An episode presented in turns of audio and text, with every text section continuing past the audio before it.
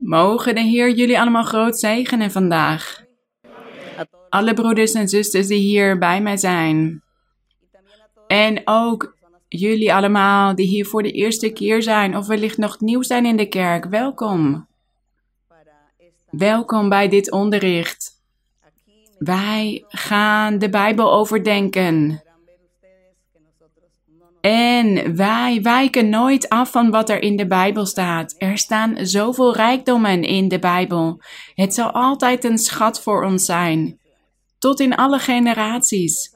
Dit is de schat die God voor de mensheid heeft nagelaten om hiervan te genieten. Van de Bijbellezing. Vooral wanneer we dit op een geestelijke manier lezen. In geestelijke zin. Dus niet op een geschiedkundige manier of uh, als een literair werk of als uh, gedichten. Nee, op die geestelijke manier. Het is God die tot ons spreekt en die ons onderwijst hoe wij een goed leven voor Hem moeten leiden. U kunt allemaal plaatsnemen vandaag. En nu jullie plaats hebben genomen, groet ik jullie allemaal. Ook de broeders en zusters die in alle plekken van samenkomst zijn samengekomen. Ik kan jullie niet allemaal opnoemen, want daar heb ik niet genoeg tijd voor. Maar we weten dat alle broeders vandaag samen zijn gekomen. Degenen die dit kunnen in dit, in dit tijdstip. En laten we de Bijbel openen in Efeze hoofdstuk 3. Efeze hoofdstuk 3.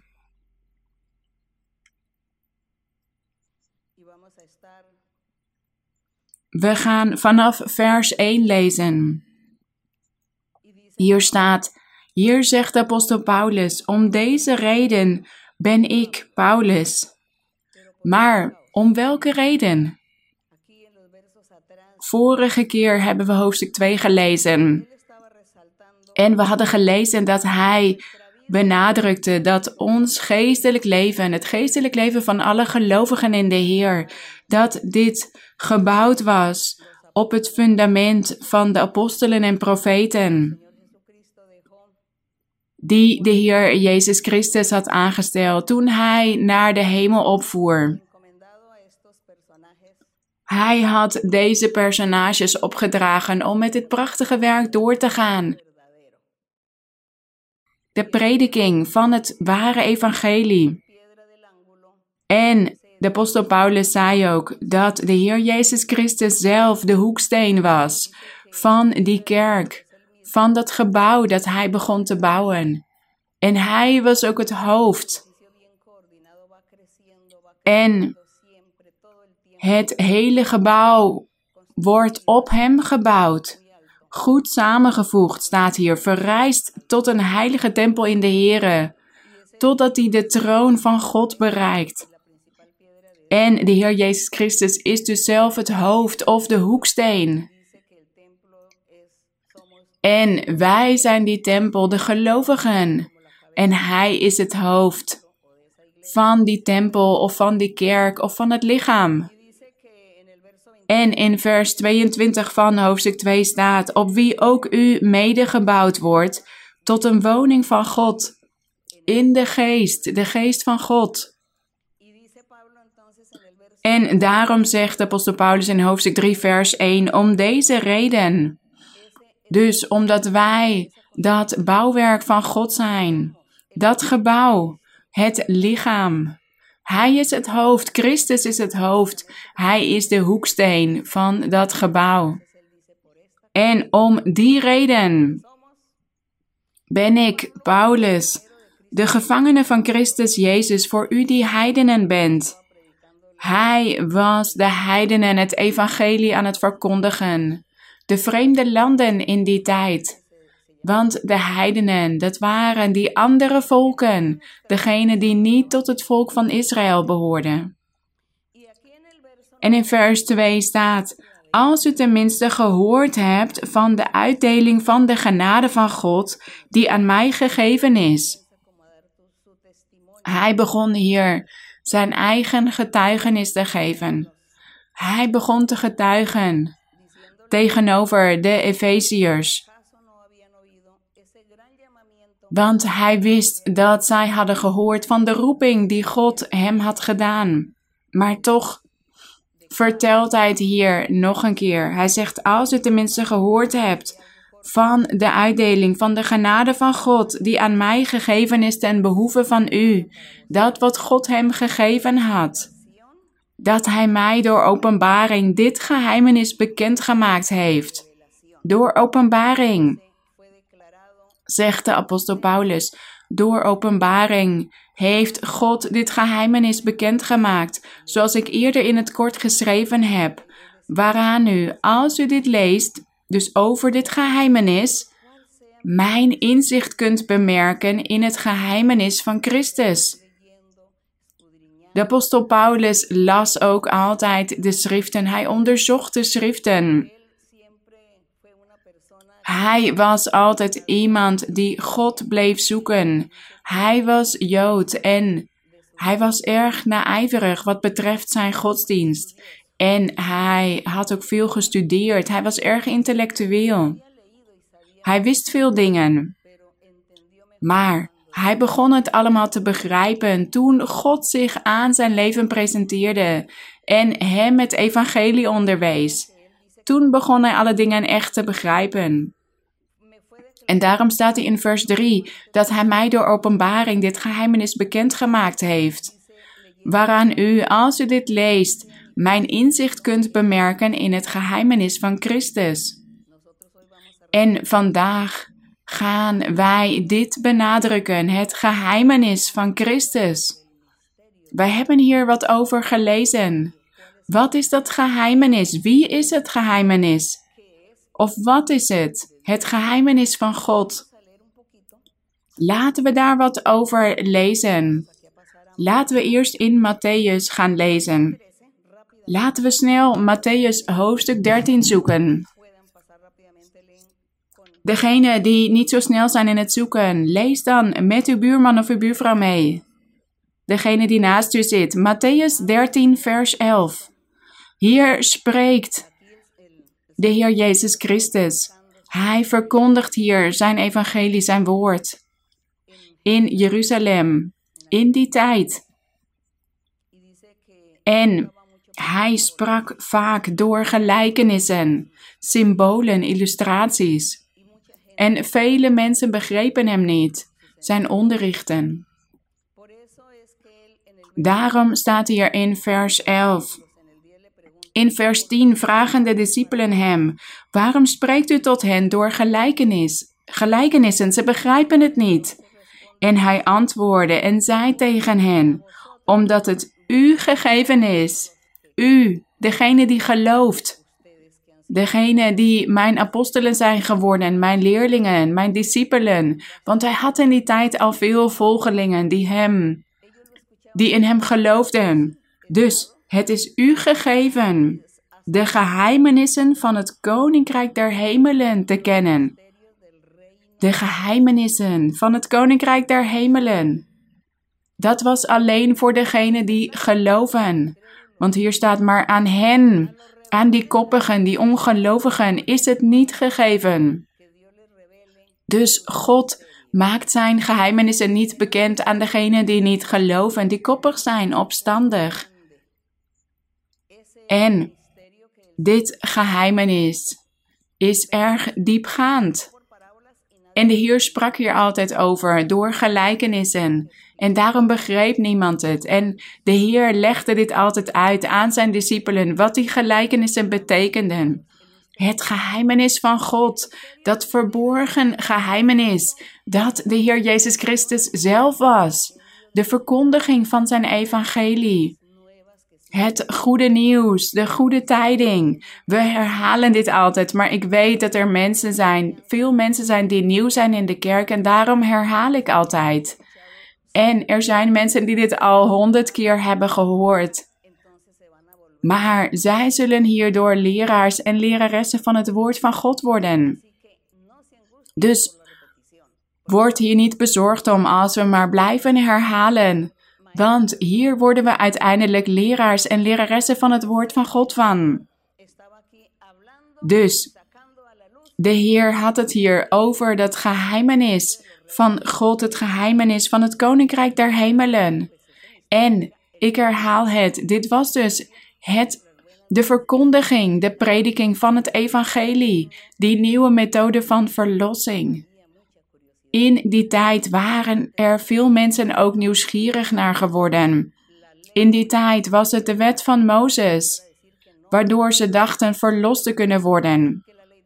Maar de Heer kwam hen verkondigen dat de wet van Mozes hen niet het eeuwige leven zou geven, maar het geheimenis van God zou hen het eeuwige leven geven, de prediking van het evangelie. En de apostelen verkondigden dit ook nadat de Heer Jezus Christus was opgevaren naar de hemel. En de Heer heeft in zijn kerk herders, evangelisten, profeten aangesteld tot aan de voleinding van de wereld, totdat de Heer zal komen op de wolken voor zijn kerk, zal dit zo zijn, om zijn heiligen volmaakt te maken, om zijn kerk te heiligen. En we hebben het hier dus over het geheimenis. Laten we ook in 1 Korinthe kijken. 1 Korinthe hoofdstuk 4. Vers 1. 1 Korinthe 4 vers 1. Hier gaat het ook over dit geheimenis. Vers 1. Hier had de apostel het over zijn werk, zijn bediening. De bediening die God had gegeven aan de apostelen, aan de predikers. Laat ieder mens ons zo beschouwen, namelijk als dienaren van Christus en beheerders van de geheimenissen van God. Hier heeft hij het ook over de geheimenissen van God. Dat wat zij verkondigden, waren die geheimenissen van God. Dus het verkondigen van Christus, van het evangelie. Het verkondigen dat men in Christus moet geloven als de Zoon van God, de gezant van God, als God zelf. Dat is een geheimenis. Dat is een geheimenis voor de mensheid. En God wilde dat dit geheimenis aan het licht werd gebracht, bekend werd gemaakt. En de apostel Paulus zei hier dus: Wij zijn die beheerders van de geheimenissen van God. Maar die geheimenissen zijn alleen, niet alleen maar in hen gebleven. Nee, het is altijd verkondigd geweest, ook in de toekomstige generaties. Wij lezen in de psalmen dat de vader een belofte deed aan de zoon, aan zijn zoon, dat zijn kinderen en de kinderen van zijn kinderen hem ook zouden dienen en de zegeningen van God zouden ontvangen. Dus dit is van generatie op generatie. De verkondiging van dit geheimenis. En van generatie op generatie zullen er mensen zijn die zegeningen van God ontvangen. Degene die Hem trouw zijn, degene die Hem volgen. Het geheimenis van God, wat prachtig. En laten we ook nog in Colossensen lezen. Colossensen hoofdstuk 1. Colossensen hoofdstuk 1 we gaan vers 26 en 27 lezen. Colossensen hoofdstuk 1, vers 26. Vers 25, hier zegt de apostel, daarvan ben ik een dienaar geworden, overeenkomstig de beheerstaak van God die mij met het oog op u gegeven is om het woord van God te vervullen. Hij sprak hier tot de heidenen, namelijk het geheimenis. Vers 26. Dat eeuwen en geslachten lang verborgen is geweest. Het geheimenis, het woord van God, dat eeuwen en geslachten lang verborgen is geweest, maar nu geopenbaard is aan zijn heiligen. Aan hen heeft God willen bekendmaken wat de rijkdom is van de heerlijkheid van dit geheimenis onder de heidenen. Christus in u. De glorie zij aan de Heer. Christus Jezus is dat geheimenis. de Messias, de zaligmaker, de gezant van God. Hij die zou komen in de toekomst om het eeuwige leven te geven, om te reinigen, te veranderen, vrede te geven. Die Messias, die zou komen met een geloofsleer, kennis, diepgaande kennis voor zijn volgelingen. Wat betreft God, kennis van God. En dat is dit geheimenis. Hij is het geheimenis dat verborgen was. In de oude tijd hoorden mensen die beloften dat de zaligmaker zou, zou komen, de verlosser. En zij dachten dat God een fysieke koning zou, aanstellen. En dat zij met die koning geen oorlog meer zouden hebben. Dat zij in vrede zouden leven. Dat er geen oorlogen meer zouden zijn met andere landen dankzij die koning. Omdat die fysieke koning vrede en geluk zou geven.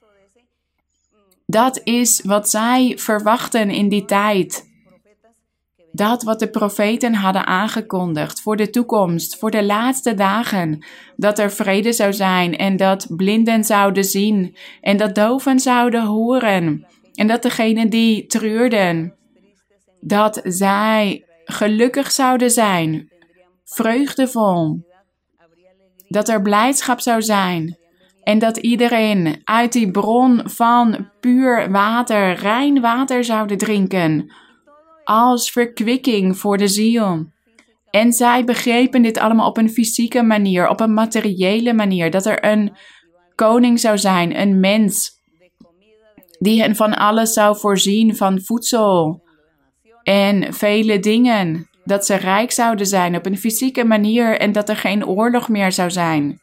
Geen fysieke oorlog, dat verwachten zij, een volmaakte fysieke koning dat God die zou aanstellen, omdat Hij dat door de profeten zou hebben beloofd. Maar ze begrepen niet dat het iets geestelijks was. Toen de Heer Jezus Christus het evangelie kwam verkondigen, wilde het volk hem ook een fysieke koning maken. Zij zochten hem om hem te kronen als koning van Juda. En we lezen hoe hij dan altijd vluchtte en zei: Mijn koninkrijk is niet van deze wereld. Mijn koninkrijk is niet fysiek, niet materieel. Mijn koninkrijk is geestelijk. En zij die mij volgen, zullen ook een geestelijk leven leiden. En ik ga een geestelijke tempel opbouwen. Deze tempel in Jeruzalem zal niet voor eeuwig blijven bestaan. De tempel zal geestelijk zijn. Niet fysiek, maar zij begrepen dit nooit. Dit was een geheimenis voor hen. Het geheimenis was al aan het licht gebracht, maar ze begrepen het niet. En de Heer sprak altijd tot hen door gelijkenissen, zodat zij onwetend zouden blijven, omdat ze zo koppig en opstandig waren. Maar degenen die wel het woord van God aannamen, zij genoten van dit verborgen geheimenis. Dus het geheimenis is Christus Jezus. Verheerlijkt zij onze God. Wij danken onze God omdat Hij deze prachtige wonderen aan ons bekend maakt. In vers 27. Hier staat dus aan het eind dat het geheimenis onder de heidenen Christus in u is, de hoop op de heerlijkheid. Dus wij danken onze God dat Hij dit geheimenis bekend heeft gemaakt voor degenen die Hem accepteren, die Hem aannemen. En laten we nog één vers lezen. Ja, er zijn vele versen hierover en het gaat soms over verschillende onderwerpen, wat we in een hoofdstuk lezen. En daarom heb ik het soms over verschillende onderwerpen, maar het is zo mooi om over al die dingen te lezen. Om te weten wat God van ons wil, dit is zo mooi.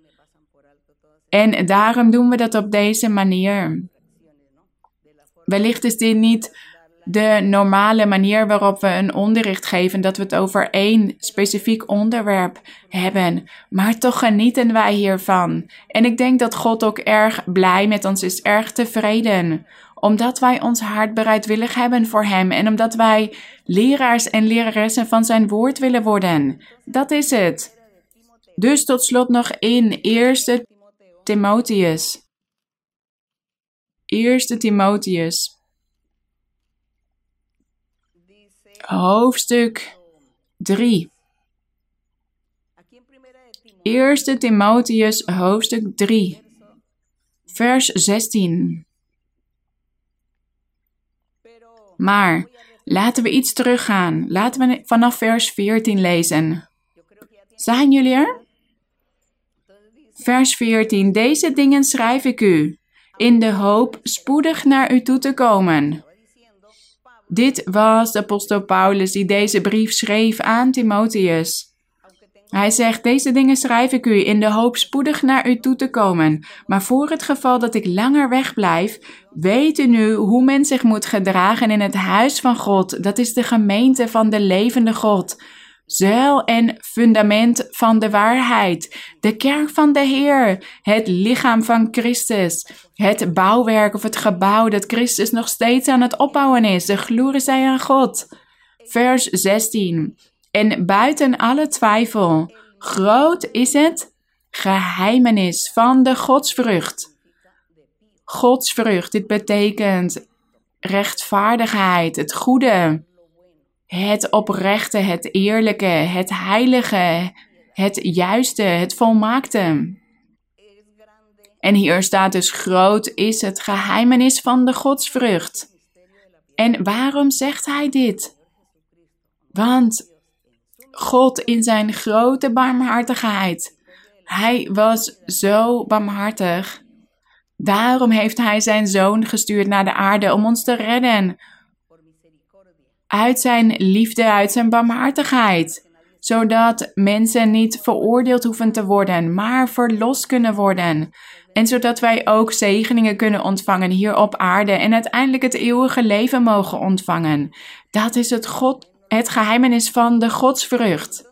Van het goede, van het juiste, van het rechtvaardige. En wat is dit geheimenis? Staat hier. God is geopenbaard in het vlees. Hij heeft het hier over het geheimenis van de godsvrucht. En wij weten al dat het geheimenis Christus Jezus is en de verkondiging van zijn evangelie. Die prachtige geloofsleer van het evangelie, dat is het geheimenis. En hier staat dus het geheimenis van de godsvrucht. God was barmhartig geweest. Hij had medelijden gekregen. God is geopenbaard in het vlees. Hier staat niet dat God een mens had aangesteld, een mens op aarde, en dat hij God van hem had gemaakt. Nee, God zelf is geopenbaard in het vlees. Hij is zelf vlees geworden. En hij heeft op de aarde geleefd onder de mensen voor een tijd. En niemand heeft hem herkend. Niemand had dit door in die tijd. God is geopenbaard in het vlees is gerechtvaardigd in de geest. Ja, want de Heilige Geest gaf altijd getuigenis van Hem. Hij getuigde bijvoorbeeld toen de Heer Jezus werd gedoopt door Johannes de Doper. We lezen hoe de hemel werd geopend en dat er een stem werd gehoord.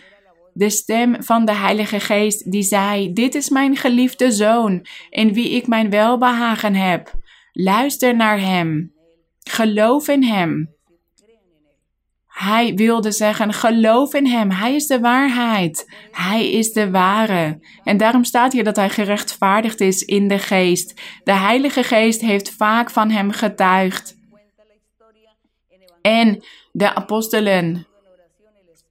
Over de apostelen lezen we ook in de evangeliën dat de Heilige Geest altijd aan hen getuigde dat de Heer Jezus de waarheid van God was. En hier staat dus, is gerechtvaardigd in de geest, is verschenen aan de engelen, is gepredikt onder de heidenen. Ja, gepredikt aan alle landen. Sommigen hebben in hem geloofd en sommigen hebben geestelijke gaven ontvangen. Sommigen hebben de kracht van de gaven van de Heilige Geest ontvangen en de geestelijke gaven. En God heeft vele wonderen verricht onder de heidenvolken. Dat was het getuigenis van de apostel Paulus, dat had hij allemaal meegemaakt.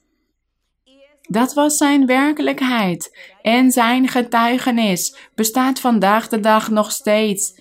En wij zeggen ook hetzelfde. Dat wij ook vandaag de dag geleid worden door de Heilige Geest. En Hij heerst over ons. Hij onderwijst ons. Dus hier staat, hij is gepredikt onder de heidenen, hij is geloofd in de wereld en hij is opgenomen in heerlijkheid. Ja, toen hij naar de hemel is opgevaren. Voor de ogen van zo'n 500 getuigen die zagen dat hij opvoer in de wolken. Dus hij is opgenomen in heerlijkheid. Dit is het geheimenis, het geheimenis van de godsvrucht. En laten we nu teruggaan naar Efeze.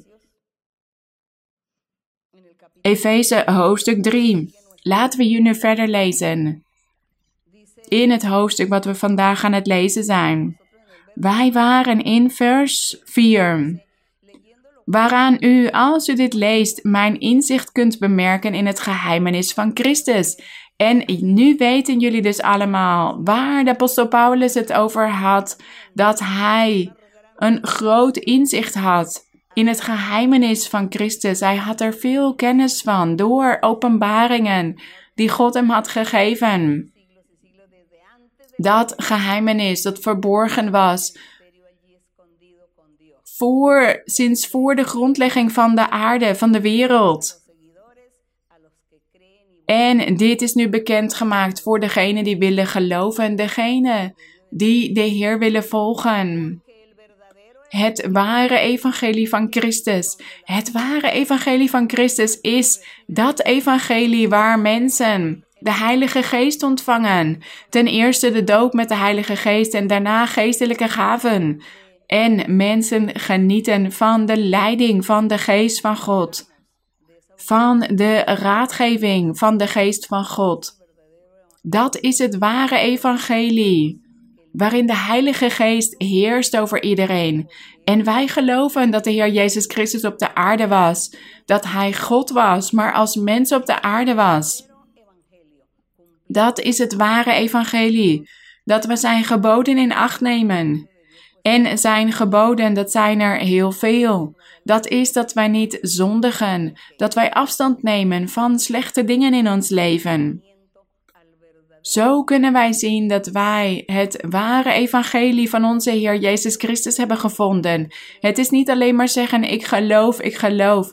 Want er zijn vele mensen die zeggen dat ze christenen zijn en dat ze geloven en dat ze in God geloven. Maar zij doen niet wat het woord van God hen onderwijst. Zij zijn geen daders van het woord van God, alleen hoorders. Laten wij hiervan genieten door dit allemaal te doen in ons leven. Vers 5. Het geheimenis dat in andere tijden niet bekendgemaakt is aan de mensenkinderen, zoals het nu geopenbaard is aan zijn heilige apostelen en profeten door de Geest. Door de Heilige Geest namelijk dat de heidenen mede-erfgenamen zijn en tot hetzelfde lichaam behoren en mede-deelgenoten zijn van zijn belofte in Christus door het evangelie. Deze twee versen die zijn zo diepgaand. Want de apostel zegt hier in vers 5. Hij zegt hier dat dit geheimenis. Wij weten nu al wat dit geheimenis is. Het is Christus zelf met zijn evangelie. En alles wat daarbij hoort, bij zijn evangelie. Alle daden, alle zegeningen, alle handelingen van God voor degenen die geloven, het eeuwige leven. Dat hoort allemaal bij dit verborgen geheimenis. Dankzij onze God. En hier staat dus in vers 5 dat in andere tijden niet bekendgemaakt is aan de mensenkinderen. Dus in de oude tijd. in vorige generaties. Bijvoorbeeld toen de mensen onder de wet van Mozes leefden. En in de tijd dat bijvoorbeeld de rechters over het volk van Israël heersten. De tijd van Mozes, de tijd van Jozua, de tijd van de rechters, van de koningen. En na de tijd van de koningen stuurde God een straf naar het volk van Israël en begon hij zich niet meer te openbaren aan hen. Al die generaties. Zij kenden het, het geheimenis niet. Het geheimenis dat verborgen was door God. God had het er wel over door zijn profeten, maar niemand begreep dit in die tijd. Zoals ik eerder al zei, zij verklaarden alle dingen op een fysieke manier dat er een volmaakte fysieke koning zou komen. Een leider die hen vrede zou geven en vreugde. Maar zij begrepen het niet in die tijd dat God het had over iets geestelijks. Dat hadden ze nooit zo begrepen. En daarom zegt apostel Paulus hier dat het geheimenis van Christus in andere tijden niet bekendgemaakt was aan de mensenkinderen. Zoals het nu geopenbaard is, staat hier nu. Dit is wanneer? Na de Heer Jezus Christus, de tijd van de apostelen. Zoals het nu geopenbaard is aan zijn heilige apostelen en profeten door de geest. Die heiligen, waar we het de vorige keer ook over hebben gehad. De heiligen zijn degenen die afgezonderd zijn voor God, voor zijn werk, voor zijn woord. En dit is allemaal geopenbaard door de geest, de heilige geest. De heilige geest was het ook die de apostel Paulus het evangelie had geopenbaard, twee jaar lang het geheimenis van Christus, het verborgen geheimenis. En hier staat dus in vers 6 dat de heidenen mede-erfgenamen zijn van dit geheimenis. En mede-deelgenoten en tot hetzelfde lichaam behoren. Dus zij horen tot hetzelfde lichaam, hetzelfde gebouw, hetzelfde bouwwerk van God. En ze zijn ook mede-deelgenoten van zijn belofte in Christus door het evangelie. Want die heidenen die in die tijd in de Heer begonnen te geloven, zij begonnen ook mede-deelgenoten te zijn van de beloften van God. En zij behoorden tot hetzelfde lichaam. Zij ontvingen dezelfde beloften en zegeningen. Zij mochten ook genieten van het eeuwige leven met God. Dat is die belofte in Christus door het evangelie. Vers 7, waarvan ik een dienaar geworden ben, krachtens de gave van de genade van God. Hij was een dienaar van God, een dienaar van dat verborgen geheimenis, een dienaar van het ware evangelie van de Heer Jezus Christus krachtens de gave van de genade van God, die mij gegeven is, naar de werking van zijn kracht. Dus hier staat dat God deze genade aan de apostel Paulus had gegeven, hoewel de apostel Paulus zelf toegaf dat hij het niet waard was geweest, omdat hij, voordat hij God leerde kennen, de gelovigen de kerk van de Heer aan het vervolgen was geweest. Hij was naijverig wat betreft de wet van Mozes en hij dacht dat hij het goede deed voor God. Hij stond toe dat vele volgelingen van Christus werden gedood of in de gevangenis werden gezet. Hij stond dit allemaal toe en hij stemde hiermee in. Want hij dacht dat dit goed was, dat hij dit voor God deed, maar dit was niet zo. En daarom zei hij ook, nadat God zich had geopenbaard aan zijn leven, dat hij het niet waard was om zoveel van God te ontvangen. Dat hij niet waardig was. Maar God heeft dit zo toegestaan. En God heeft ook toegestaan dat hij veel vervolgingen moest meemaken in zijn leven. Wellicht deed God dit als een soort straf voor wat apostel Paulus had gedaan in zijn vorige leven, voordat hij de Heer leerde kennen.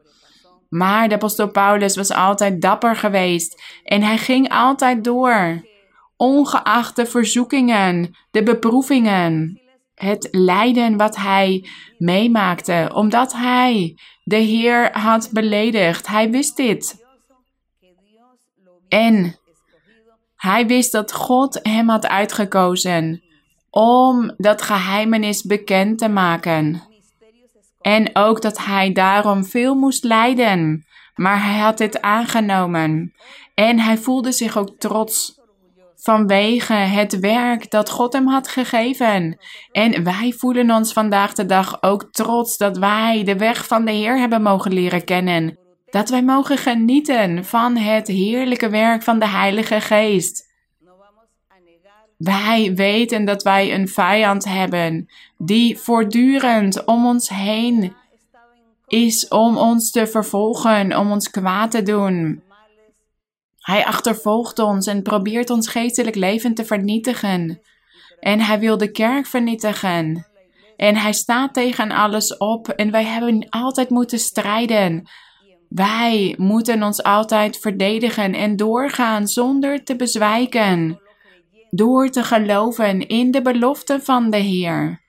Door te verwachten dat de Heer aan onze zijde staat en ons helpt, zijn hand uitstrekt om ons dapperheid te geven. Dat we dapper zijn en dat we door kunnen gaan op deze weg en dat wij alle aanvallen van de vijand aankunnen. Dat is wat wij vandaag de dag ook meemaken. Wij die hier aan het strijden zijn op deze prachtige weg van de Heer. Wij hebben ook dit verborgen geheimenis ontdekt. En wij hebben de barmhartigheid van God gezien in ons leven. Door de Heilige Geest, de geestelijke gaven, de wonderen, de tekenen. Alle zegeningen die wij van God hebben ontvangen, al deze jaren. Fysieke, materiële zegeningen, ook geestelijke zegeningen. We hebben zoveel zegeningen van God ontvangen. En daarom zeggen wij vandaag, net als Paulus, wij zeggen dat wij ons trots voelen, gelukkig, tevreden, omdat wij deze waarheid mogen hebben leren kennen, dit verborgen geheimenis. En wij willen hier nooit van afwijken. Dit is een uitnodiging voor allen die wellicht voor de eerste keer het woord van God horen, die hier nog geen ervaringen mee hebben.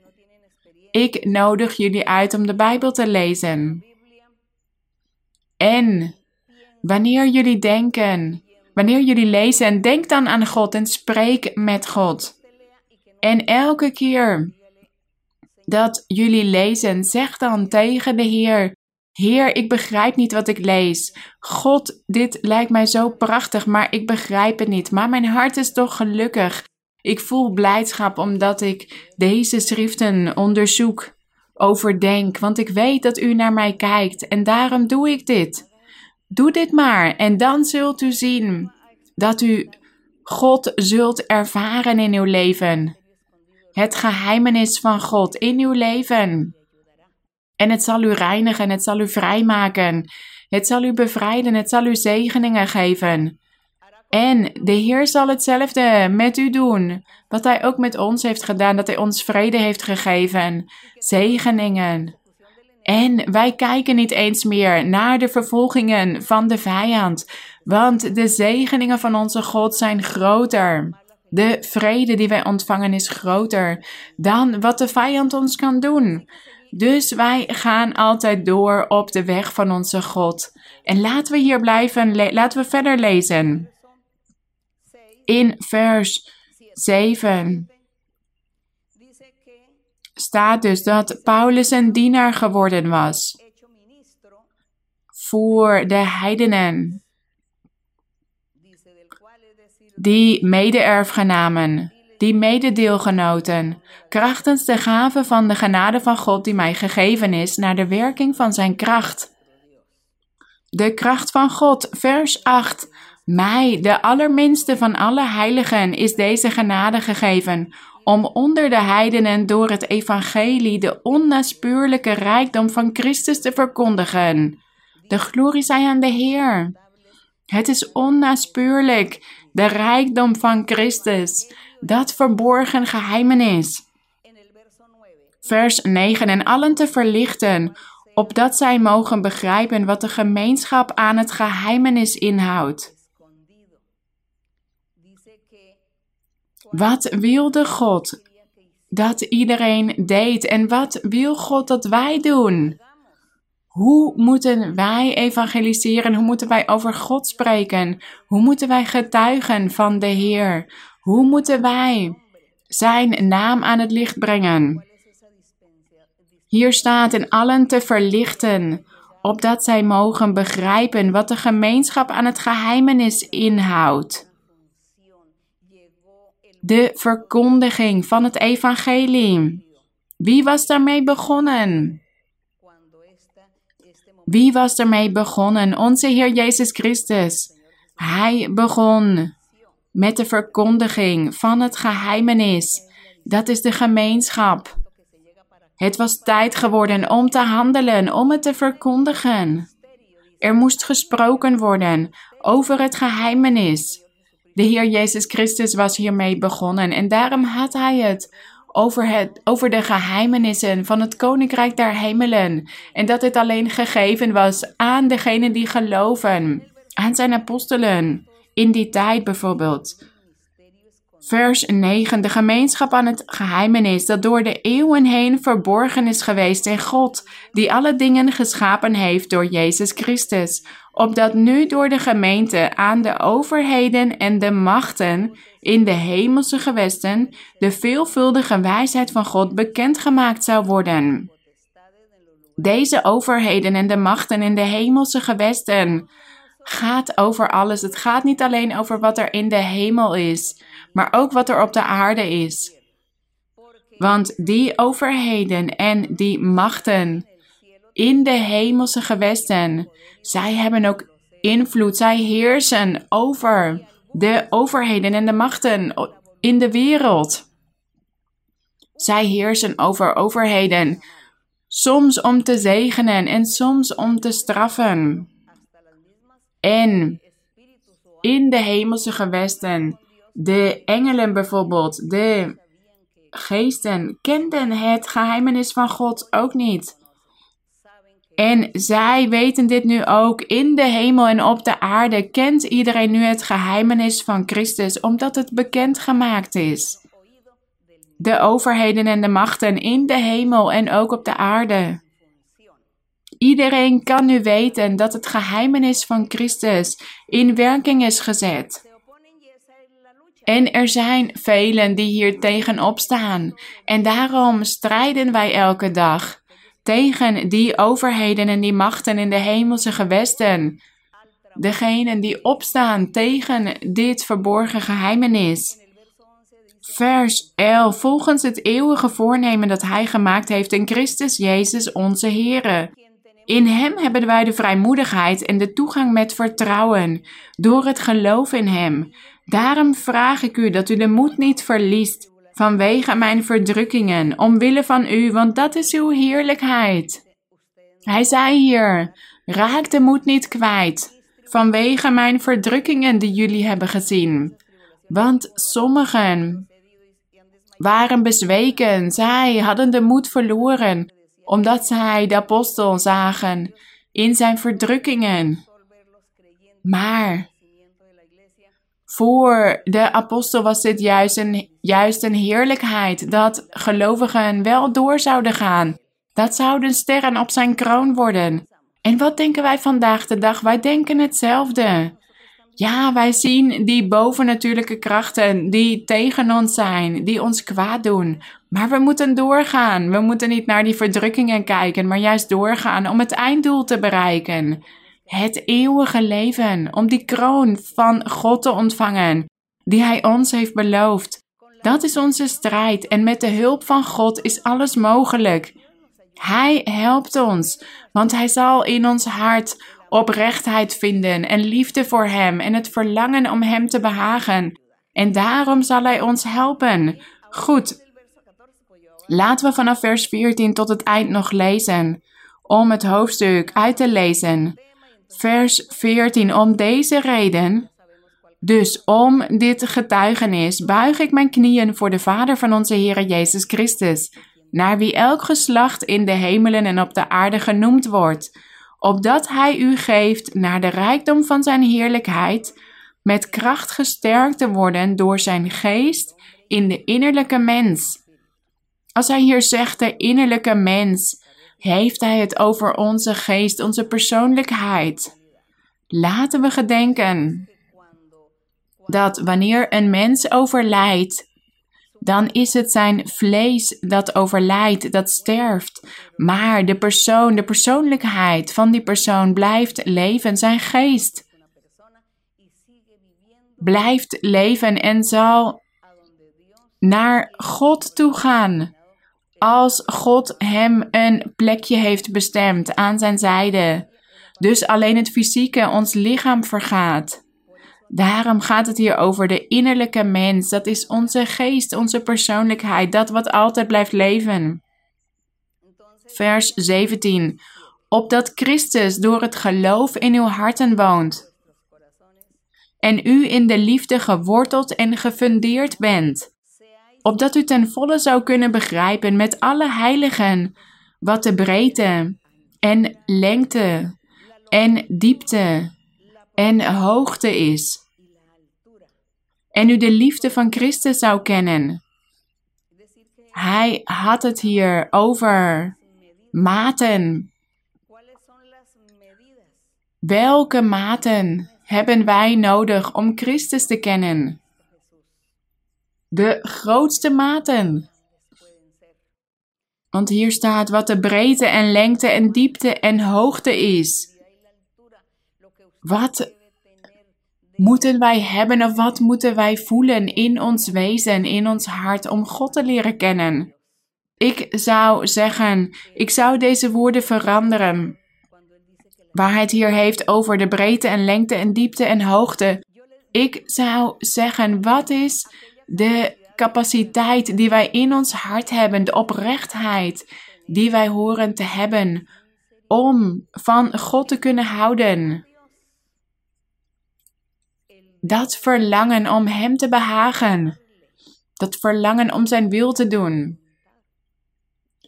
Om Zijn geboden in acht te nemen en het goede te doen. Om goed te leven voor God en dicht bij Hem te kunnen zijn. En Zijn geest in ons leven te kunnen voelen, in ons hart, in het diepste van ons wezen. Dat is het. Dat is waar wij, wat wij verlangen. Daar verlangen wij naar en zo zouden we dit dus ook kunnen zeggen. In plaats van deze maten op te noemen, de breedte, lengte, diepte en hoogte. Hoeveel moeten wij van God houden? Welke maat hebben wij nodig, zodat God bij ons kan zijn? Heel, een heel grote maat, zoals bijvoorbeeld een kind tegen zijn ouders zegt: Ik hou van je, tot aan de maan, dan is hij zijn liefde aan het meten. Dit is als een breedte en een lengte en diepte en hoogte van onze liefde. En wat zouden we tegen de Heer kunnen zeggen dat het heelal niet groot genoeg is om onze liefde voor God te herbergen? Zoveel liefde willen wij in ons hart hebben voor God. Zo groot als het heelal. Zo groot als het universum. Laten we dit tegen onze God zeggen dat wij zoveel van Hem willen houden. En wellicht zal Hij hierom lachen om deze woorden, maar Hij neemt dit van ons aan omdat wij hier voor Zijn aangezicht staan. En omdat wij als kleine kinderen voor Hem zijn. Mogen God ook barmhartig zijn met deze kinderen. Dus vers 19. En u de liefde van Christus zou kennen, die de kennis te boven gaat, opdat u vervuld zou worden tot heel de volheid van God. Opdat u vervuld zou worden tot heel de volheid van God. Dus ja, het is goed om dit tegen God te zeggen. Ik wil van u houden tot aan de maan. Dat mijn liefde voor u zo groot is als het heelal, als het universum. Dat wil ik. Dat mijn hart van u houdt en u volgt. Vers 20. Hem nu, die bij machten is te doen, ver boven alles wat wij bidden of denken, overeenkomstig de kracht die in ons werkzaam is. De kracht van onze Vader, die in ons werkzaam is. Hem zij de heerlijkheid in de gemeente, door Christus Jezus, in alle geslachten. Hier staat in alle geslachten in alle generaties. En zo zal dit zijn, zo is het en zo zal het zijn. Alle generaties die nog zullen komen, zullen de Heer loven, zullen dit verborgen geheimenis kennen en mogen zij ook zeggen dat zij van God houden. Dat zij zoveel liefde voor God hebben, zo groot als het heelal, dat het niet eens in het universum past, hun liefde voor God. Al die toekomstige generaties mogen zij ook onze God leren kennen. En jullie die hier vandaag voor de eerste keer zijn of wellicht nog nieuw zijn in de kerk, ik nodig jullie uit om hier ook van te genieten. Te genieten van de grootheid van God, van Zijn majesteit. Dat u een bereidwillig hart voor God heeft. En tegen God zegt, God vraagt om u te helpen, om u te veranderen om die tendenties uit u weg te nemen, zondige tendenties die u zelf niet weg kunt nemen. En wellicht zijn er mensen die niet vrij kunnen denken, die niet zelf kunnen nadenken, die niet kunnen beredeneren. Zeg dan tegen God: Bevrijd mij, geef mij gezond verstand. Om uw wegen te begrijpen en om u te volgen en van u te houden om van u te houden tot in het oneindige. De eer en de glorie zij aan onze God. Laten we gaan bidden. Gezegende Hemelse Vader. Wij danken u voor de overdenking van vandaag. Wij danken u. Want u bent groot, u bent rechtvaardig. Uw barmhartigheid is zo groot als wij van u willen houden tot in het oneindige, hoeveel liefde hebt u dan wel niet voor ons? Het is niet te meten, het is niet te tellen. Er bestaan geen maten om uw liefde te meten, maar u bent groot en barmhartig en ik vraag u vandaag. Ik bid tot u vandaag voor al die mannen en vrouwen, voor al die mensen van alle leeftijden, ook kinderen en ouderen. Strek uw krachtige hand uit, uw genezende hand en bevrijd. Geef iedereen inzicht, gezond verstand, verstandigheid, intelligentie, zodat iedereen zelf kan nadenken, kan beredeneren om uw prachtige weg te leren kennen, uw woord te begrijpen, dit verborgen geheimenis dat nu niet meer verborgen is. Het is aan het licht gebracht. Wij kennen het geheimenis, wij genieten hiervan. Maar ik wil ook, mijn Heer, dat u barmhartig bent met al die mensen die vastgebonden zijn, als in een gevangenis, door de duivel, door de vijand. Ze zijn vastgeketend, vastgebonden in hun geestelijk leven. Ze kunnen niet werken, ze kunnen niet met mensen samenwonen, ze kunnen niet in harmonie, in, in harmonie leven, ze kunnen niet zelf nadenken. Ze zijn als krankzinnigen. Doorgedraaid wellicht. Wees barmhartig met hen, die al deze situaties meemaken. En er zijn ook velen die lijden onder hekserijen, toverijen, kwade geesten, vervloekingen. En zij kunnen ook niet goed nadenken. Ze kunnen soms niet over zichzelf heersen. En ze kunnen niet werken, dus vaak hebben ze geen geld, geen kleding, geen woning. Er is ook geen eensgezindheid in de familie. Ze kunnen niet goed omgaan met andere mensen. Omdat die kwade geesten, die demonen, die toverijen ervoor zorgen dat het hen niet lukt. Dat er alleen maar chaos in hun leven is, wanorde, verdriet, ellende. Eenzaamheid. Velen maken dit mee in hun leven, in hun gezin, in hun omgeving. Wees barmhartig, mijn Heer. Nu er vandaag de dag het zo makkelijk is geworden om uw woord te horen. Iedereen heeft toegang tot uw woord. Geef iedereen de kans om uw woord te begrijpen. Om uw prachtige weg te kennen, uw prachtig woord. Dit verborgen geheimenis waar wij al van aan het genieten zijn. Mijn vader, wees barmhartig met hen allen, ontfermt zich over hen. En strek ook uw genezende hand uit over alle zieken. De Heer Jezus Christus is de genezer. Hij is de verlosser en hij zal genezen. Hij zal genezen van fysieke ziekten en ook geestelijke ziekten. En mogen uw krachtige hand bij hen zijn, mijn Heer. Bevrijd hen, geef hen vrede. Neem twijfel weg, ongeloof, koppigheid, opstandigheid. Vader, wij staan hier voor uw aangezicht. Zegen iedereen in de heerlijke naam van Jezus Christus, uw geliefde Zoon. Amen. De eer zij aan onze God. Laten wij, koor, 146 zingen. Ik hou van Jezus. Koor 146. Ik hou van Jezus. Laten we dit zingen tot de Heer.